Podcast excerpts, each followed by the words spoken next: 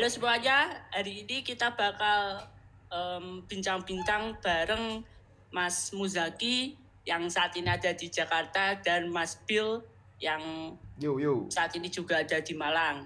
Nah, ini saya perkenalkan dulu, saya Novaldi dari Malang dan ada Saya Bill.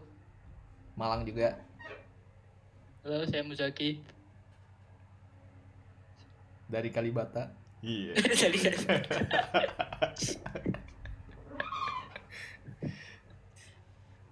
Ya. gimana Mas Muzaki? Daerahnya Di- aman? eh, di berita itu kayak mencekam, tapi di sini nggak terlalu sebenarnya, karena kita lebih takut sama biaya COVID-19-nya itu. Biaya swab itu 2 juta setengah. Jadi kalau eh, rapid test kan nggak terlalu itu ya, nggak nggak terlalu valid hasilnya. Kalau Ah. apa swab itu yang valid itu ternyata 2 juta setengah. Wanjir. Mahal kan? Ah. Masalahnya kalau orang yang gajinya dua juta setengah, habis tes COVID ternyata negatif, tetap mati dia, nggak makan habis itu ya. Tapi bukannya kalau itu Sama aja. itu kan kalau misalkan negatif bayar Iya, iya. kan? Loh, kalau tapi- positif baru gratis. Tapi ini dari dari halo apa dari kantorku itu ada apa namanya kayak kerjasama sama asuransi. Asuransi eh, tertentu gitu kan asuransi X gitu. Dia itu nyediain apa namanya eh, cover covering untuk tes swab eh, tes COVID-19 nggak tahu yang swab atau ra- rapid test ya. Pokoknya tes eh, itu gratis. Dan itu kerjasama sama Halodoc. Jadi kalau punya asuransi itu terus apa namanya kita bisa tes di Halodoc gitu. Secara gratis. asuransinya, asuransinya bayar 7 juta. Iya, sama aja. bro. nggak mungkin segitu dong. Asuransi nggak mungkin segitu sebulan. Asuransi apa pak? Asuransi itu asuransi apa KPR anjir?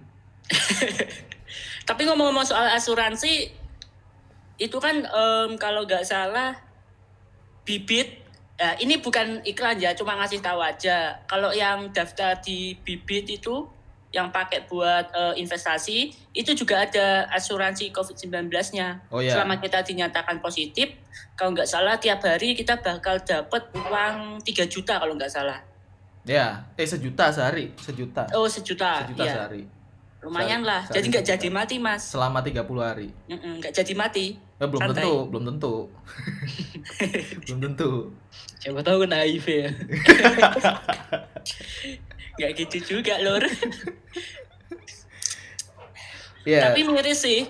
Kalau ngomong-ngomong sampai mati ya jangan sampai lah. Moga-moga aja nggak ada. Tapi kalau em, kemarin itu kalau nggak salah aku baca di berita itu beberapa pasien terus juga ada ada perawat juga itu yang meninggal terus mau dimakamkan itu kalau nggak salah jenazahnya itu Oh, ditolak. eh, itu di ini di Semarang.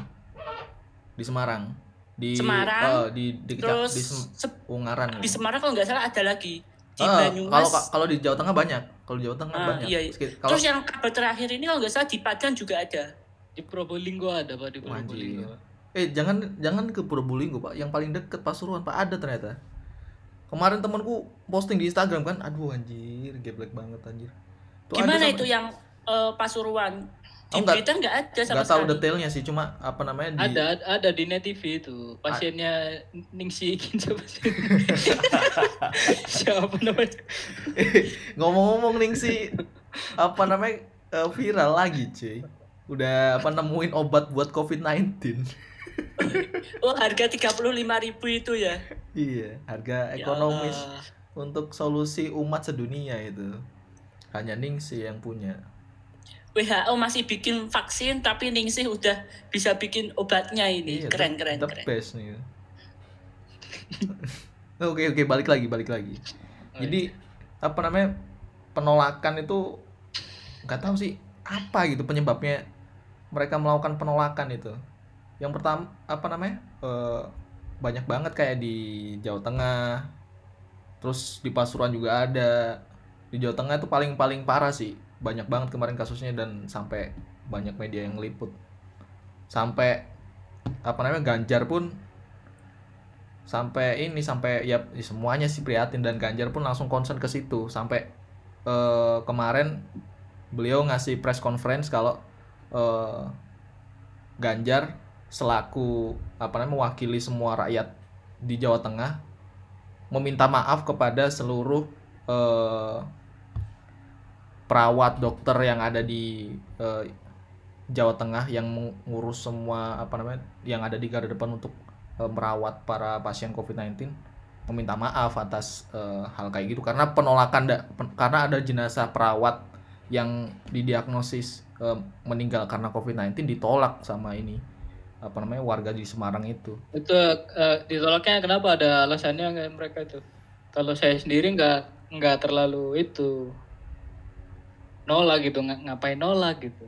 Iya, eh, sama. Kalau aku sendiri juga, ya sebenarnya itu cuma apa namanya oknum tertentu juga sih. Kalau aku ngelihat eh, dari liputan 6 itu ya aku bacanya itu dia eh, karena takut penyebaran lebih luas gitu.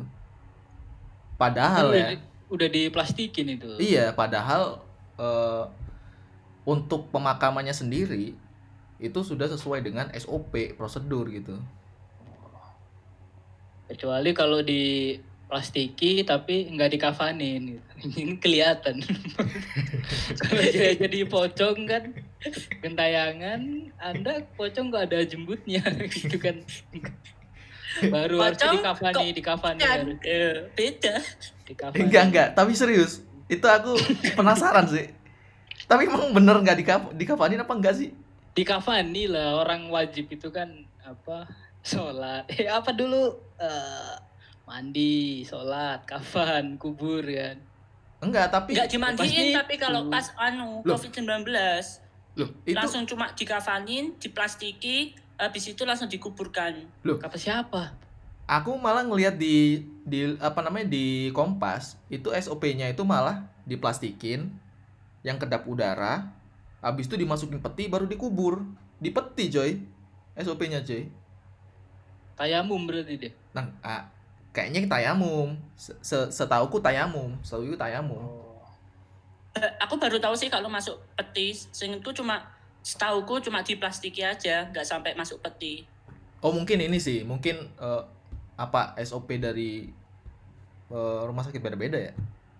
Masa iya sih? Harusnya sih sama. Ini sama sih.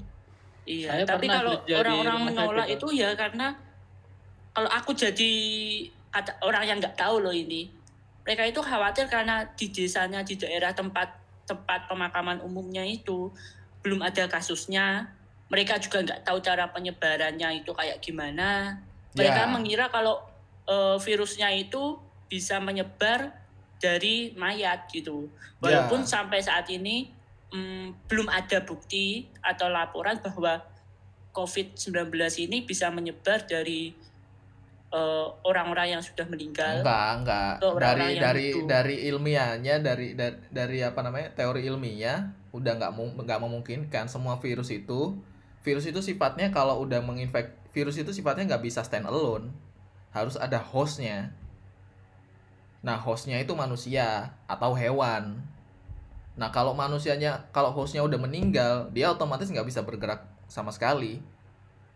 Tapi kemarin karena karena karena apa namanya? Karena ada masa hidup dari eh, virusnya ini yang lebih lama kayak dia itu eh, secara eh, kalau menyebar dari airborne dia itu kan nempel di surfaces dia bisa sampai berapa lama gitu kan eh, kalau nggak salah paling lama itu 24 jam. Nah ini sama kayak di eh, makhluk hidup. Kalau hostnya udah mati tap kemungkinan besar virusnya itu eh, menyebar dari cairan yang keluar dari orang mati itu. Ya, bisa jadi kayak gitu. Eh, tapi, Tapi tidak mungkin kemarin- sampai 24 jam tidak mungkin lebih Eh. dari 24 jam. Setelah 24 jam pasti udah nggak nggak mungkin eh, ada virus lagi udah habis virusnya. Secara teoretikal itu sih kayak gitu sih. Soalnya virus nggak mungkin bisa eh, stand alone. Harus ada hostnya. Kalau secara ritual berarti yang paling bener itu agama Hindu dibakar jadi mati. Nggak ada itu oh iya bener sih. Bener. Bener juga sih. Bener. dikremasi. Dan harusnya orang-orang yang takut penularan COVID itu perbanyak nonton Ustadz kayak Habib Bahar gitu kan, nggak takut COVID. Eh, tapi eh, anjing. Tapi gini, Tidak. Enggak, enggak, enggak, gitu, Tapi penasaran loh. Itu kenapa SOP-nya harus SOP-nya harus dimakamkan bukan dibakar gitu. Kenapa ya? Iya, Apa kemarin iya bener bener bener. Harusnya dibakar ya. harusnya dibakar ya bisa Iya. tapi alternatif sih alternatif dibakar itu sih kecuali kalau yang meninggal COVID-19-nya emang orang Hindu ya absolutely Dibalik. Pas ditanya siapa Tuhanmu, perasaan nggak ada. Tapi kalau nggak salah tadi aku eh, coba cari-cari bisa nggak sih sebenarnya em, dari orang yang udah mati terus itu aku dapet eh, artikel sama jurnal.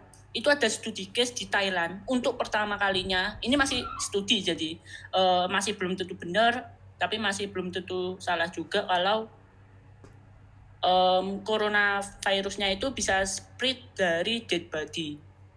Tapi ini masih nggak tahu bener apa enggaknya. Enggak Nah jadi hal kayak gini itu juga beresiko banget gitu loh. Kalau sampai diketahui orang masyarakat luas terus tanpa pengetahuan yang lebih dalam terus Membahaya apalagi banget. nanti masuk grup WAG Aduh. terus ditambahin bumbu-bumbu itu Waduh. itu yang paling bahaya banget sekali. WAG sebarkan ke WAG? 10 kontak kamu untuk menyelamatkan dunia wah anjing anjing WAG apaan? WhatsApp grup anjir Kirain WA-nya orang gay. anjing WAG bukan G doang nggak pakai AY anjir Oh iya iya. WAG kan pacarnya itu pemain bola. siapa anjing Wek, Wek kan. WAG. oh Wex Iya, iya. Tapi emang kalau kayak gini kayak gitu memang serba salah. Maksudnya harusnya tiap RT, tiap lurah, tiap apa, itu kan pasti mereka punya grup WAG kan. Itu harusnya udah ada sosialisasinya belum dari tentu situ. belum tentu belum tentu Siapa tahu mereka kalau kalau kalau kam- kalau kampung Cina pasti pakai line nggak mungkin pakai WhatsApp sorry Joy Siapa tahu mereka ada yang straight ya nggak semuanya gay. Cuk kenapa gay Enggak enggak ya. bukan bukan itu. Ya, tapi ini ngomong-ngomong saya udah beli tiket kereta kemarin kan. Tiga tiga bulan yang lalu sebelum sebelum libur lebaran. Kayaknya mau saya cancel ini nggak pulang. Saya akhir tahun pulangnya Yo, ya harus lur, harus ka- sampean cancel. lu bukannya Kalau kemarin. enggak, sampean itu membahayakan orang-orang di desa. ya kan yang penting saya selamat. Itu apa memikirkan orang lain orang-orang kayak gini. Yang butuh dikremasi lebih dulu ya ini. Orang-orang kayak gini. Tuh susah susah hidup di Jakarta susah. Kita dapat respect di sini itu susah. Karena emang gimana ya di sini orang-orang itu emang nalurinya itu saling saling bunuh gitu. Nggak bisa susah susah. Emang wah yang penting udah deh yang penting kebutuhan sendiri udah terpenuhi udah beres makanya di sini masih agak rame nih di depan nih saya di depan jalan ini kan jalan akses UI Hmm. masih masih rame itu masih yang jualan banyak yang nongkrong banyak yang Loh. pacaran banyak nggak social distancing Loh, loh, loh, loh. Jakarta bukannya udah nerapin PSBB itu. ya tetap aja ada yang itu nggak nggak sekejam ini itu lah. sih apa namanya polisinya mungkin kurang menertibkan di situ kalau di jalan-jalan gede kayak di apa masuk apa perbatasan Jaksel Depok itu baru itu. Nah iya ha, ha, iya, Ke- benar. banyak polisi. Tapi di situ sweeping juga nggak? Ada iya sweeping sweeping. Hmm. nggak boleh keluar. Ada ada jamnya ada jamnya. Iya. susah lah susah Tapi barang-barang barang-barang di itu habis di Alfamart habis semua gila orang-orang Kan Ya biasanya kalau Mas? Jeki nggak gitu. nyetok dulu stok Enggak. makanan lah buat seminggu dua minggu ke depan gitu. Ya alhamdulillah saya nebeng teman kos. Semenjak kuliah kebiasaan saya kayak gitu. Asal comot ya. Asal comot.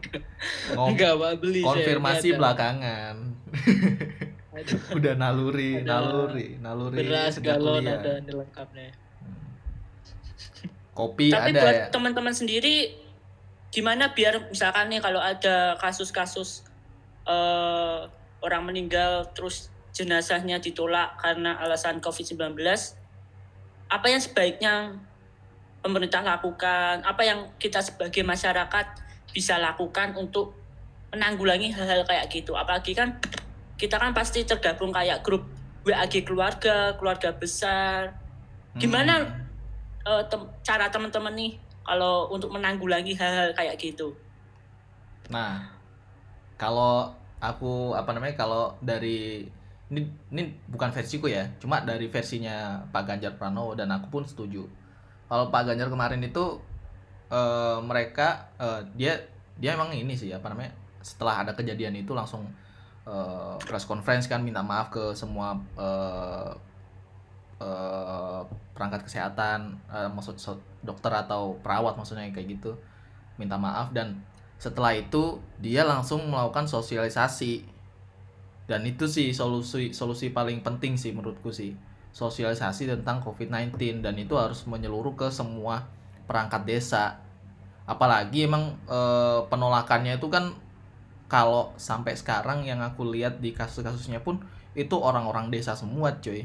Dan itu make sense sih karena ya tahu sendiri kan kalau emang eh, informasi itu agak agak terhambat kalau masuk ke ini kan masuk ke lingkungan yang agak jauh dari perkotaan gitu dan itu sih menurutku yang harus di eh, sosialisasikan ke RT dan RT pun harus mensosialisasikan ke warganya.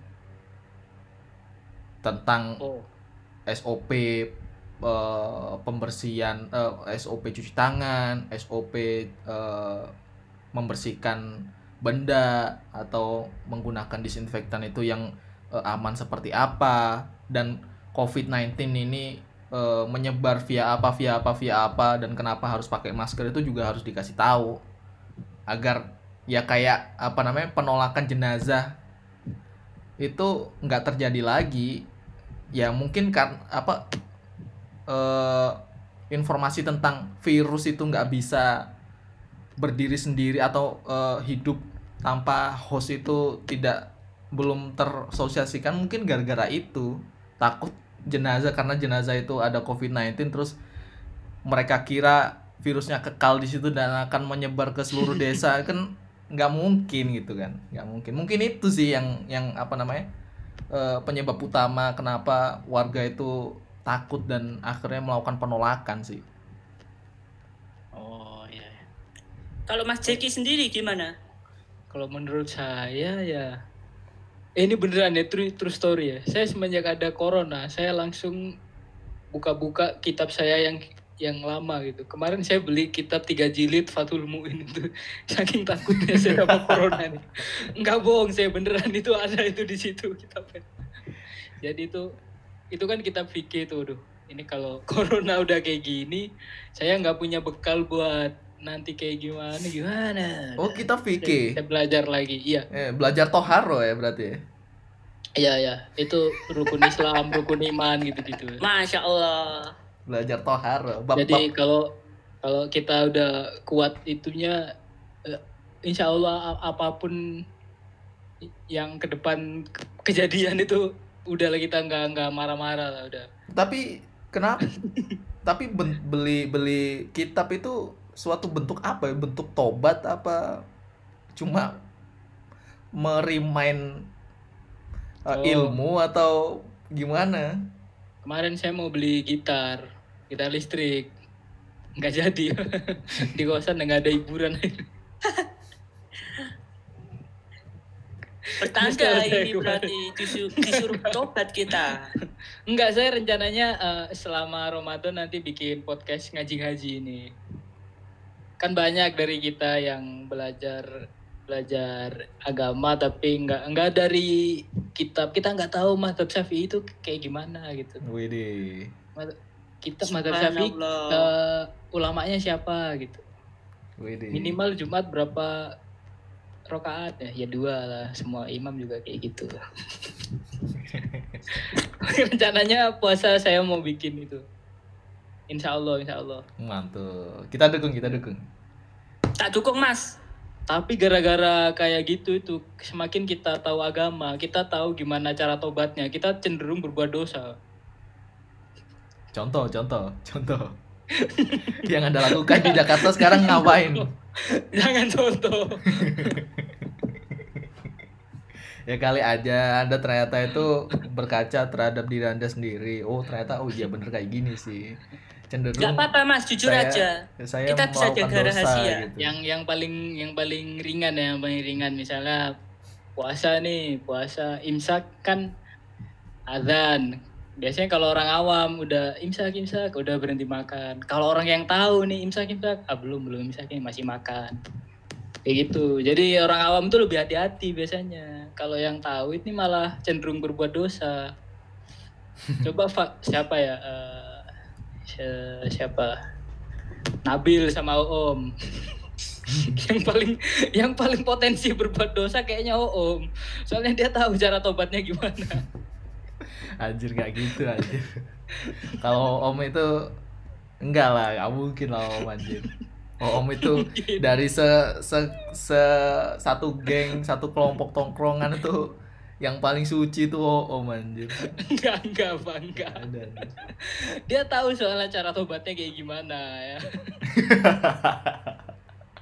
Jadi dipermainkan Jadi gitu. nggak ya? nggak nggak ragu nggak ragu Jadi- bisa makanya kayak gitu kan bisa diperdebatkan kalau udah tahu cara tobatnya ya udah berbuat dosa aja Ya gak gitu loh. Dan- iya gitu, Dan gitu. kalau di debat pasti dia yang Gitu. menang gitu kan ya. iya iya Soalnya tahu Ada-ada hukumnya. aja. Iya, makanya kita perlulah kembali kepada agama kita masing-masing ya, nggak cuma Islam ya, pasti yang Nah, ngomong-ngomong soal jadi. Islam sih, harusnya eh, memang pada saat kondisi kayak gini, pemuka agama itu peranannya itu lebih tinggi gitu loh. Jadi ibaratnya kan kayak tiap hari kita nemu kasus eh, positif corona semakin meningkat, terus jumlah yang meninggal semakin tinggi. Ibaratnya kita itu tiap hari ada ada melulu berita-berita negatif gitu loh. Ibaratnya bisa stres kan. Nah, Nah. kondisi saat inilah yang menurutku itu peranan pemuka agama itu benar-benar krusial di mana mereka itu kayak bikin tausiah, bikin apa, bikin apa yang mana eh, seluruh pemuka agama itu bisa mensuarakan untuk berbagi kepada sesama tobat, meningkatkan spiritualis sehingga eh, jiwa-jiwa sesama manusia itu saling tolong menolong. Di sisi yang lain juga eh, untuk menghindari kejadian-kejadian buruk. Kak misalkan nih di Malang itu tingkat eh, kejahatannya sedikit tinggi nah pemuka agama kan di situ bisa Ah, Malang mana ini? Malang Malang Uin apa Malang mana? Malang kota Malang Kota. ya. iya sehari aja pernah empat kejadian loh nah Apa? pemuka agama itu bisa Kejadian apa? apa ya tausiah gitulah biar orang-orang itu tidak melakukan yang buruk sama Oh. manusia saling membantu gitu Hmm. Eh kejadian apa emang di itu di Malang Kota? Oh, Ma- Matos Matos itu, Matos. Apaan? Ri coba Matos itu. kok batas Ma- eh saya kemarin ketemu Panji, Panji ngomong Matos. Apaan? Ricu di Malang. Iya kenapa? Ada apa? Nggak tahu ada apa di Matos saya aja nggak tahu. Ada apa di? Apa ricu ricu di situ pokoknya orang-orang itu nggak setuju apa sama Matos. Oh ini oh, kali. pembangunan maksudnya Nggak tahu nggak tahu apa itu. anda jangan seperti grup BAG yang ngasih berita setengah-setengah lor Iya kan ada berita intinya ada berita cuman saya nggak mendefinisikan lebih lanjut Eh, tapi kalau ngomong tentang pemuka agama, kan sekarang itu apa namanya eh, gimana pemuka agama itu bisa ngasih tausiah padahal sholat Jumat aja suruh di rumah gitu. Maksudnya so- dilarang sholat Jumat gitu gimana orang-orang mau ini mau pemuka agama itu ngasih tausiah gitu kan? Kan nggak bisa. di- Eh, tapi tempat di tempat kalian ini nggak sih apa namanya udah oh enggak jangan tempat dulu deh. Kalian udah berapa berapa kali nggak sholat Jumat selama pandemi corona? Dari Januari. Enggak lah, enggak, enggak. Masa mau corona apa enggak enggak santai. Jumat? Eh, nggak saat Jumat juga nggak apa-apa sebenarnya. enggak kak ka- ka- kamu kamu udah berapa lama Bdi Enggak. Empat. udah berapa kali nggak sholat Jumat selama pandemi Kalau corona aku- selama pandemi corona Dari Selam- satu. Dari awal ketika di Indonesia itu udah ada positif corona, itu aku udah memutuskan aku nggak bakal keluar dari rumah, termasuk juga salat Jumat. Jadi mungkin udah oh berapa ya? sebelum- Lima kali lebih lah, sebelum Oh, M lima kali. sebelum MUI me- memberi fatwa tentang dilarang sholat Jumat itu kamu udah nggak sholat Jumat berarti Enggak, enggak. Mas, maksudnya ya pokoknya oh ya eh, setelah MUI itu MUI setelah MUI, apa ya. sebelum yang bener Pas ketahuan ini MUI anjir pusat oh ya ya ya ya. Kan waktu MUI pusat ngasih larangan buat eh, rekomendasi buat nggak sholat Jumat MUI Malang itu masih menyuruh buat eh, saat Jumat kan. Tapi aku udah ngikut yang pusat. Oke, kenapa? ya itu tadi peganganku ya karena khawatir ketakutan.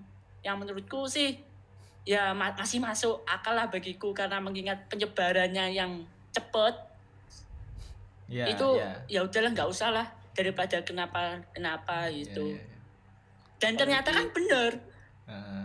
di daerah saya itu penyakitnya itu udah ada dan itu import dari kalau nggak salah itu daerah Jabodetabek orangnya pulang ke sini kalau nggak salah Hmm. Itu pasti gara-gara orang yang pulang ke sini Jumatan nyari nasi itu. Kan Dibagi nasi habis Jumatannya. oh itu masih Muhammadiyah ya? Kalau NU nggak ada nggak ada. Ada Pak di sini. oh Di kalau sini di masjid Jakarta sub- banyak subuh kalau di Jakarta kunut, banyak. Subuh kunut padahal Jumatan bagi nasi dia. iya. Oh di Jakarta ada semuanya kayak ternyata. gitu enggak dong. Enggak kalau di Jakarta mostly emang masjid-masjid kayak gitu. Se- walaupun eh, yang dibagiin tuh dikit atau eh, nasi kucing itu ma- pasti ada gitu di sana pakai kupon di sana itu. Jadi yang telat itu nggak dapet. Anjir. Kasih kupon. Berarti sebelum masuk kasih kupon. iya sebelum masuk kasih kupon. Jadi yang Anjir. berangkat duluan itu pasti dapat. Kalau yang terakhir-terakhir yang paling deket di nasi itu malah nggak dapet. ada dapat sandal mungkin dapat sandal. Bil pulang, nah, itu mungkin. Kalau dapat nasi udah nggak nggak mungkin. Tapi di tempat kalian sholat Jumat itu masih rame apa udah enggak sih? Udah nggak ada di tempatku di, di itu ditulisin di masjid di temboknya ditempelin libur. Apa libur sholat? Libur Ju- Jumatan diliburkan. Nggak libur juga kalian tidur di sini pas khutbah. masa situs kayak gitu ada di sana itu anak-anak anak kecil tuh pada tidur biasanya. Di, biasanya temennya kan iseng mah dibiarin gitu sampai rokat kedua baru dibangunin. Goblok. Seru-seru Jumatan. Seru Jumatan lah. kok Jumatan seru itu kan kewajiban Oh iya iya iya benar, Tapi benar. di di sini eh kalau di daerah Sengkaling gimana di di tempatmu di? udah Ada sejak ada MUI masjid Malang besar itu kan? Rekomendasi buat nggak jumatan itu ya udah mulai nggak ada aktivitas sholat jumat sih Hmm. jadi kayak tempat masjidnya itu ditutup tutupi gitu Eh, apa ya dikasih eh, kayak pembatas itu biar orang boleh silakan sholat jumat di sini tapi ada pembatasnya gitu Hmm. hmm. jadi aktivitas sholat kayaknya masih ada Ya ya ya. Di tempat di kemarin di dekat kantorku juga masih ini cuy, masih apa namanya sholat Jumat. Kemarin waktu dua minggu ya, dua minggu waktu apa namanya setelah MUI ngasih saran eh, di dilar apa eh, dianjurkan untuk tidak sholat Jumat itu aku masih beberapa kali eh, ngantor gitu kan nah itu Iya. pas hari Jumat nah pas hari Jumat apa namanya eh, kan minggu pertama itu aku udah nggak nggak nggak berani sholat Jumat gitu kan. Akhirnya nggak itu waktu di kos. Tapi minggu depannya pas aku ngantor hari Jumat juga gitu kan. Eh ternyata masjid samping kantor tuh masih menyelenggarakan sholat Jumat. Walaupun jamaahnya itu nggak sebanyak biasanya. Cuma pas kayak pas hari itu waduh gila sih itu bener-bener apa namanya eh, bikin deg-degan sih. Ya banyak orang jamaahnya itu udah pakai masker bawa sajadah sendiri gitu kan. Dan pas itu pas waktu itu aku nggak bawa peralatan apa-apa sajadah enggak masker enggak kopiah juga enggak gitu kan. Udah nggak bawa apa-apa polosan pak ke masjid itu kan. Udah itu deg-degan banget anjir ini kenapa ya Duh gimana ini ya? Gimana gimana pas ngecek eh, pas ngecek kantong eh ternyata ada ini ada apa namanya? Ada bandana. Ada bandana buat apa namanya penutup masker muka itu kan waktu di mo- pas buat di motor itu kan. Itu aku keluarin. Akhirnya buat buat apa namanya penutup buat sajadah gitu buat muka. Jadinya kalau sujud muka nggak nempel langsung ke sajadah langsung ke ke bandana itu akhirnya dan pas akhir sholat pun menegangkan mbak. Kenapa? kan habis sholat itu kan kalau NU kan pasti salaman gitu kan. Iya. nah ini jadi kayak apa namanya? Waduh ini gimana ini? Eh, ke-NU-an Akhirnya- sa ke-NU-an saya jadi diragukan ter kalau saya nggak mau sholat nggak mau jabat tangan gitu kan akhirnya ya udah waduh ini gimana ya? Tapi kayaknya di sini orang-orang udah pada tahu sih tentang pandemi ini. Dan akhirnya ya udah pas eh, mau salaman wih maaf maaf nggak salaman gitu. Udah akhirnya langsung balik balik kantor lagi udah pulang. Habis itu nggak sholat lagi deh nggak sholat jumat lagi. Eh, Muhammadiyah semua masjid. Iya, jadi Muhammadiyah semuanya. jadi Muhammad dia semua cuy Ya, Ya. semoga segera berakhirlah musibah ini. ya semoga Eh, Tapi prediksinya banyak yang bilang mak- ya mulai dari permodelan matematika, statistika dan lain sebagainya itu memang mungkin sekitar Juli atau enggak April itu baru eh kok April, Mei, Juni, Juli itu baru bisa selesai. Itu kalau pemerintah benar-benar ngasih tindakan secara nyata. secara Jadi kayak ada ya. tiga permodelan. Mulai dari nggak ngasih tindakan apa-apa, tindakannya biasa aja, sampai tindakan paling ek- ekstrim. lockdown ya dengan paling Iya. ekstrim lockdown ya Iya, bisa jadi lockdown itu. kenapa kenapa kenapa kok nggak ada lucunya anjir lockdown Enggak, enggak. Kayak kayak itu loh apa? Polisi di enggak jadi. India. Enggak jadi. oh iya India bagus India tuh. Masa apa masih digebukin pakai itu Pak pakai rotan, Pak. Nanti kalau di Indonesia terapin kayak gitu, bisa tawuran, lor. Seru itu seru, seru. bagus India itu. Orang India itu emang bikin respect Pak orang India. Ada materi susah lihat di YouTube orang India jelasin gampang, Pak. iya, benar benar benar. Coba cari apa tutorial bikin REST API. India jelasin gampang jadinya sialan. iya anjir kalau apa namanya yang India. yang paling rame paling paling menjamur tutorial yang ada di Udemy di YouTube itu totali orang India iya nggak sih Iya, bener. banyak cuy orangnya gila orang India emang walaupun apa namanya angka kemiskinannya tinggi tapi orang-orangnya juga melek akan sharing informasi anjir Dan Iya, India benar. pun termasuk yang berani. Di- Dia langsung bikin lockdown Eh masa lockdown? tanpa babi bu lagi langsung bilang lockdown. Serius lockdown? besoknya. Uh, padahal It- penduduknya kan banyak Eh, banget itu. serius lockdown? India, lockdown iya. India. Wih, lockdown anjir. gimana? Masa anjir? Uh, gokil Iya, sih. India itu udah lockdown dari dulu. Wah anjir. Gokil sih. Makanya polisinya itu bawa rotan buat apa tindakan tegas kepada warganya yang nggak mau di lockdown kayak gitu. Wah anjir, gokil sih. Padahal angka kemiskinan di sana tinggi loh. Nah iya itu salah satu studinya juga. Jadi gimana dampak setelah lockdown tanpa ibaratnya ada sosialisasi terlebih dahulu.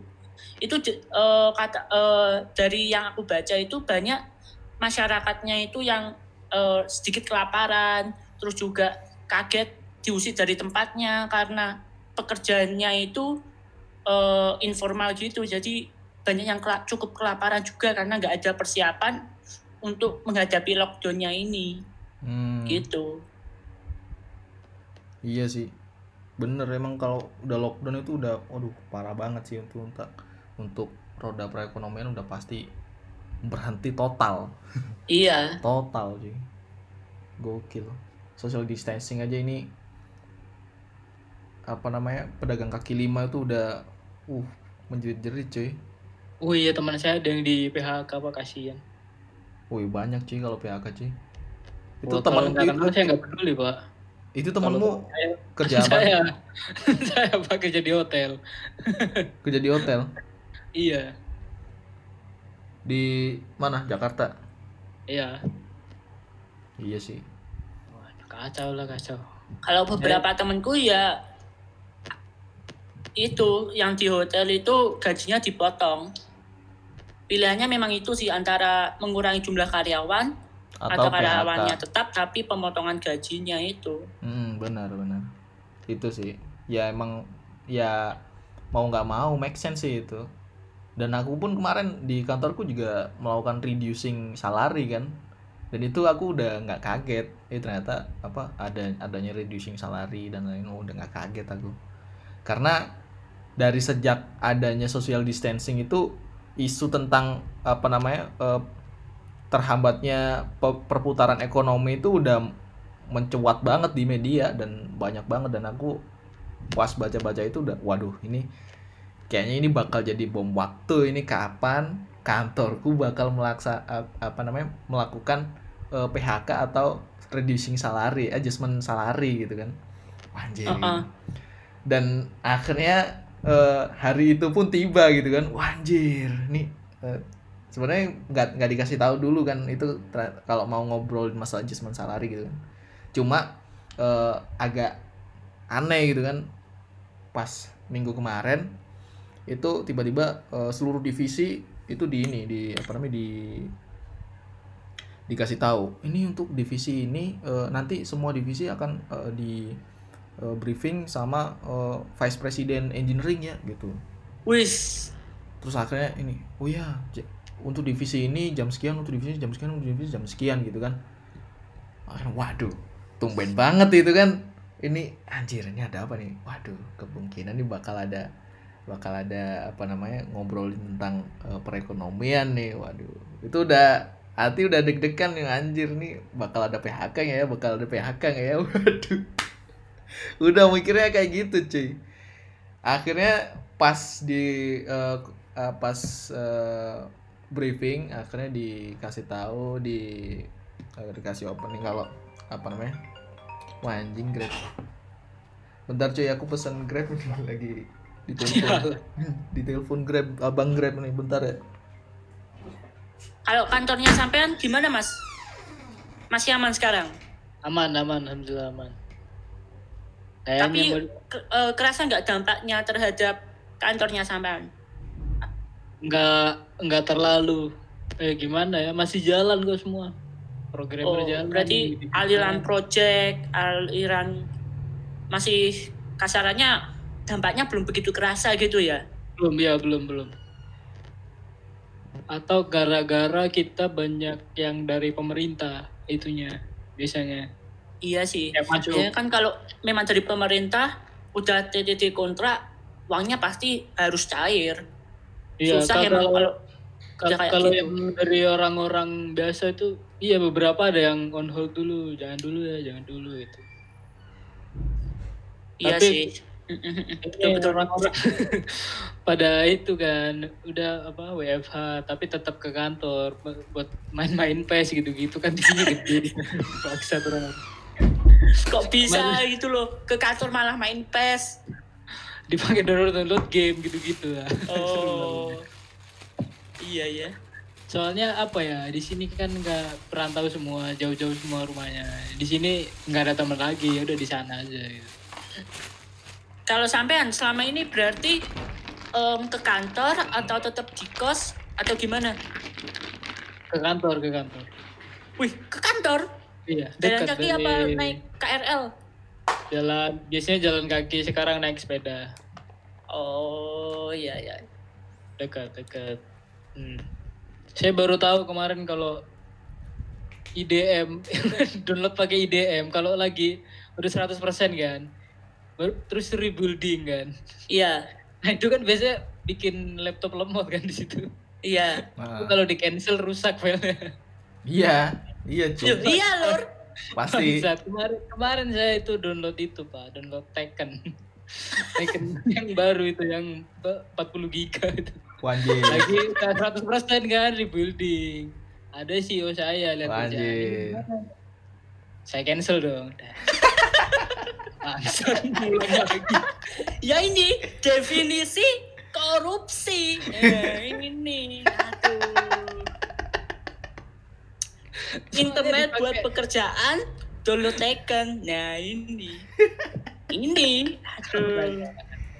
soalnya di kosan nggak ngapa-ngapain susah lah di sini nggak boleh masukin Iya, tapi juga. make emang kayak gitu cuy. Susah kalau nggak ada hiburan. Aku aja di kos ini, aduh, laptop laptop kantor pakai ThinkPad gitu kan, nggak ada grafikan, nggak bisa main game yang bagus-bagus gitu kan. Aduh itu bener-bener hampa banget anjir.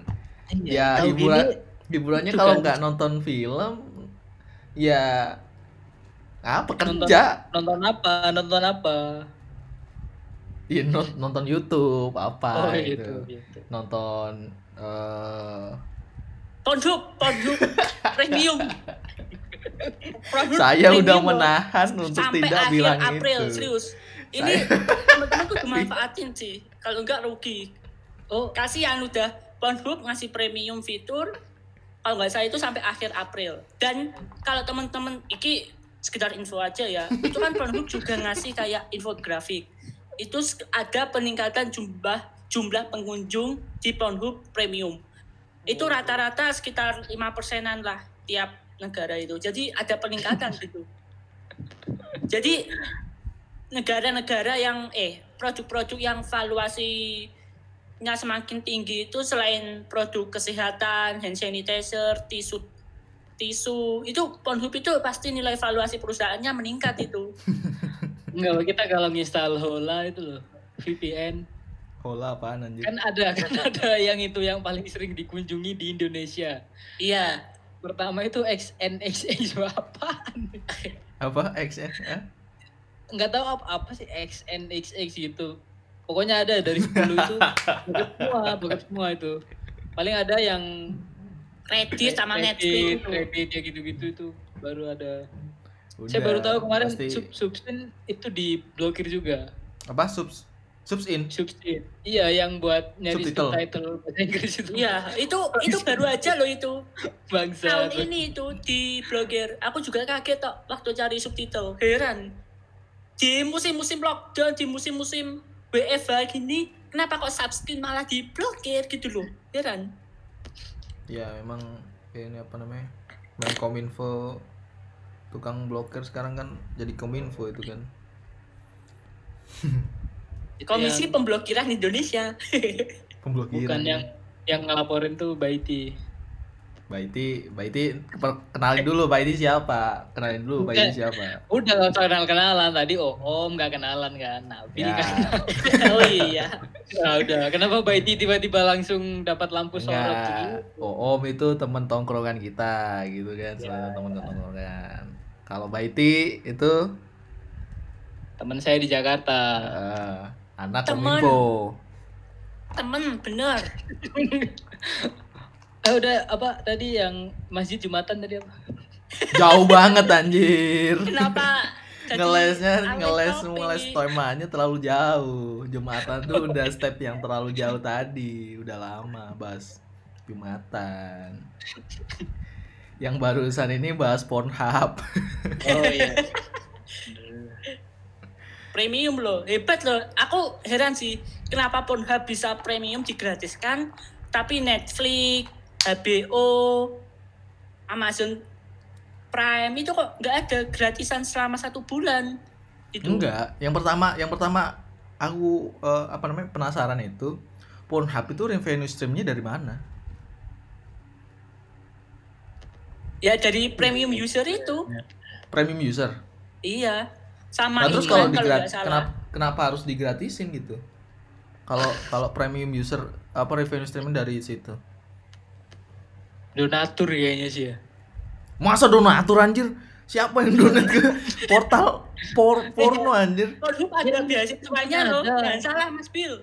Pornhub itu ngasih beasiswa. Iya dari mereka gitu kan. Hmm. Enggak, untuk revenue stream dari Pornhub biar mereka itu dapat uang itu kan masa dari donatur anjir. Ya iya mungkin mereka punya kayak kita bisa khusus bokep gitu. Bakar-bakar uang mungkin ya se- Ya, sebulan ini. ini ya Buat apa namanya? melebarkan jangkauan Pornhub-nya. Biar orang-orang itu bisa merasakan manfaat benefit dari premium habis itu bulan depan bulan depan selanjutnya bisa eh, subscribe lagi apalagi kalau misalkan nih Mei Juni Juli itu masih kasarannya masih corona gitu ya dan moga-moga aja enggak itu orang-orang jadi subscribe Pornhub oh Enggak. daripada nonton Netflix HBO mending kita nonton Pornhub bareng-bareng bisa jadi oh karena udah udah jadi kebiasaan normal ya nonton itu ya. Nah, Loh, Jadi- bayangkan premium satu bulan itu pasti udah kayak orang-orang pasti kecanduan itu kayaknya. Oh iya benar-benar. Kecanduan ya. iya. iya, cerdas emang Pornhub itu. Emang ini ya, mar- marketing strateginya itu masuk ya ternyata ya. Iya. Gokil, gokil, gokil. Corona Tapi udah kok- habis, orang-orang tetap di rumah ya, nonton Pornhub semua. Nah, ya ya. coba deh nanti cari di Google deh. Pornhub Iya. itu bener-bener ngasih Tapi emang- infografik meningkat orang-orang yang nonton itu. Tapi selain selain apa namanya? Kalau emang kalau emang udah ada di rumah itu emang jadi semacam hal comfort zone yang apa namanya sesuatu yang di se- semuanya dikerjakan di rumah bakal bakal jadi comfort zone ya enggak sih? Ya contoh kayak nonton film eh, nggak sholat Jumat nonton Pornhub ini kalau kalau semuanya itu apa namanya terlalu lama itu bakal jadi comfort zone itu setelah pandemi ini bakal kita lihat nih gimana cara eh, gimana orang-orang ini back to real life again gitu Oh kan iya iya. Iya, jadi kayak bener-bener ada perubahan habit gitu loh. Kalau menurutku Banget. juga. Misalkan gini, kita yang kerja di bidang digital itu ketemu sama klien. Nah, kalau sekarang mungkin minta pakai Zoom, Google Hangout, dan lain sebagainya. Nah, next ketika udah nggak ada pandemi ini selesai, orang jadi mikir, kenapa kok nggak kita pakai Zoom, Hangout, cukup meeting online aja, kenapa kok harus ketemu or- orang gitu. Jadi kayak ada transisi digitalisasinya itu nanti bakal bener-bener kerasa. Jadi yang semula kenapa mesti ketemu online, kenapa eh kenapa yang dulu kenapa harus rapat online, kenapa harus ke kantor. Jadi akan berubah jadi kenapa harus ke kantor, kenapa harus ketemu face to face Oh padahal iya iya. kalau bisa online kenapa enggak gitu Ya. karena ketika pandemi ini semuanya serba online gitu loh. Jadi Ah, orang-orang budayanya jadi berubah Ah, ah, ah. dan ini bener-bener bagus banget kalau menurutku ya Saya karena yang tahu, biaya, tahu. biaya Ah. untuk kos kos ke kantor kos untuk eh, nyewa tempat untuk rapat kos untuk makan-makan bareng benar. ketika rapat itu bener-bener kepotong Ya, benar sih. Jadi orang-orang eh, banyak perusahaan yang dulu itu sangat eh, skeptis sama kerja dari rumah itu akhirnya tahu apa namanya tahu gimana cara kerjanya dan gimana positifnya gara-gara pandemi ini ya enggak sih Iya, bener-bener. bener jadi WFA udah apa namanya hal yang normal dilakukan akhirnya di akhir pandemi ntar gitu menurutku sih iya bakal bakal bakal jadi apa namanya eh, new culture sih new culture of working di Indonesia Oh, saya pernah denger itu di YouTube-nya itu. Rianto Astono. Kenapa? Nonton nggak sih? Nonton YouTube-nya dia nggak sih? Enggak, Kalian enggak, enggak kenal, enggak Enggak, kenal. enggak kenal, enggak kenal. Oh enggak, enggak. Udah, udah, udah. Ceritakan. Enggak, tapi bahas ceritakan. apaan? Ba- Bagus, bahas bagus, apaan? bagus itu, itu. Nah, Kayak suaranya Bos Darling tapi yang itu, yang nggak bahas letter tapi. Apaan sih anjir? Oh dulu saya pernah, dulu saya pernah itu. Itu ya. Di Bil kamu kenal itu nggak Bil? Joko Bil? Joko Temennya siapa? Ayom, temennya Ayom, temennya Ayom. Enggak, enggak, enggak. Oh dia dia tuh Kayaknya tahu tahu kayaknya tahu mukanya sih, yang pakai kacamata itu iya, iya, itu itu yang konyol mukanya kan. Iya, iya, iya. Lihat HP ku kan dulu pas di Hmm. Malang. Lihat HP, lihat history itu, history internet. Ternyata ada MILF game gangbang. Iya kalau kayak gitu kita semua nonton lah yang udah itu rahasia umum lah ya. Tapi dia itu ketawa lama banget dia dari dari dari habis duhur sampai mau asar dia masih ketawa. ternyata, ternyata dia di history history browser itu lihat saya ngetik di Google IG adalah itu. Jadi saya semester 2 teknik informatika saya nggak tahu apa itu IG Instagram itu saya nggak tahu. Astaga. Instagram, Instagram. Itu HP pakai apa itu kebetulan? Dulu pakai Evercost pak, yang 900 ribu. Enggak, itu udah smartphone apa masih HP? Jam- Oh, udah smartphone. Kan bisa ada browsernya. Oh, padahal smartphone ya. Iya iya. Tapi Instagram masih belum tahu. nggak tahu saya apa itu Instagram. Kok bisa? Astaga. Makanya kalau kita historinya YouPorn itu masih lebih enak dijelasin gitu. Oh YouPorn, oh ya udah gitu. Kalau apa IG itu, wah goblok nggak tahu IG pasti lama bahasnya. Kalau YouPorn, oh YouPorn, oh ya udah beda sih. Itu lebih mudah dijelaskan. Ada-ada Makanya- aja. Udah bener YouPorn Enggak, ngasih. iya benar. Maksudnya kalau kalau apa namanya kalau historinya itu YouPorn adalah itu masih make sense gitu kan. Oh, oh ini Kenapa nggak tahu. YouPorn? Sekali. ya bisa jadi itu kan kamu karena lulusan alumni pondok gitu. Oh, ini anaknya alim, makanya nggak tahu YouPorn. Mungkin dia gara-gara udah terlalu lama di pondok penasaran tentang bokep gitu, makanya di googling. Nggak mungkin orang itu YouPorn nggak pasti langsung videonya YouPorn ya Halif pasti langsung kayak gitu nggak ada YouPorn adalah itu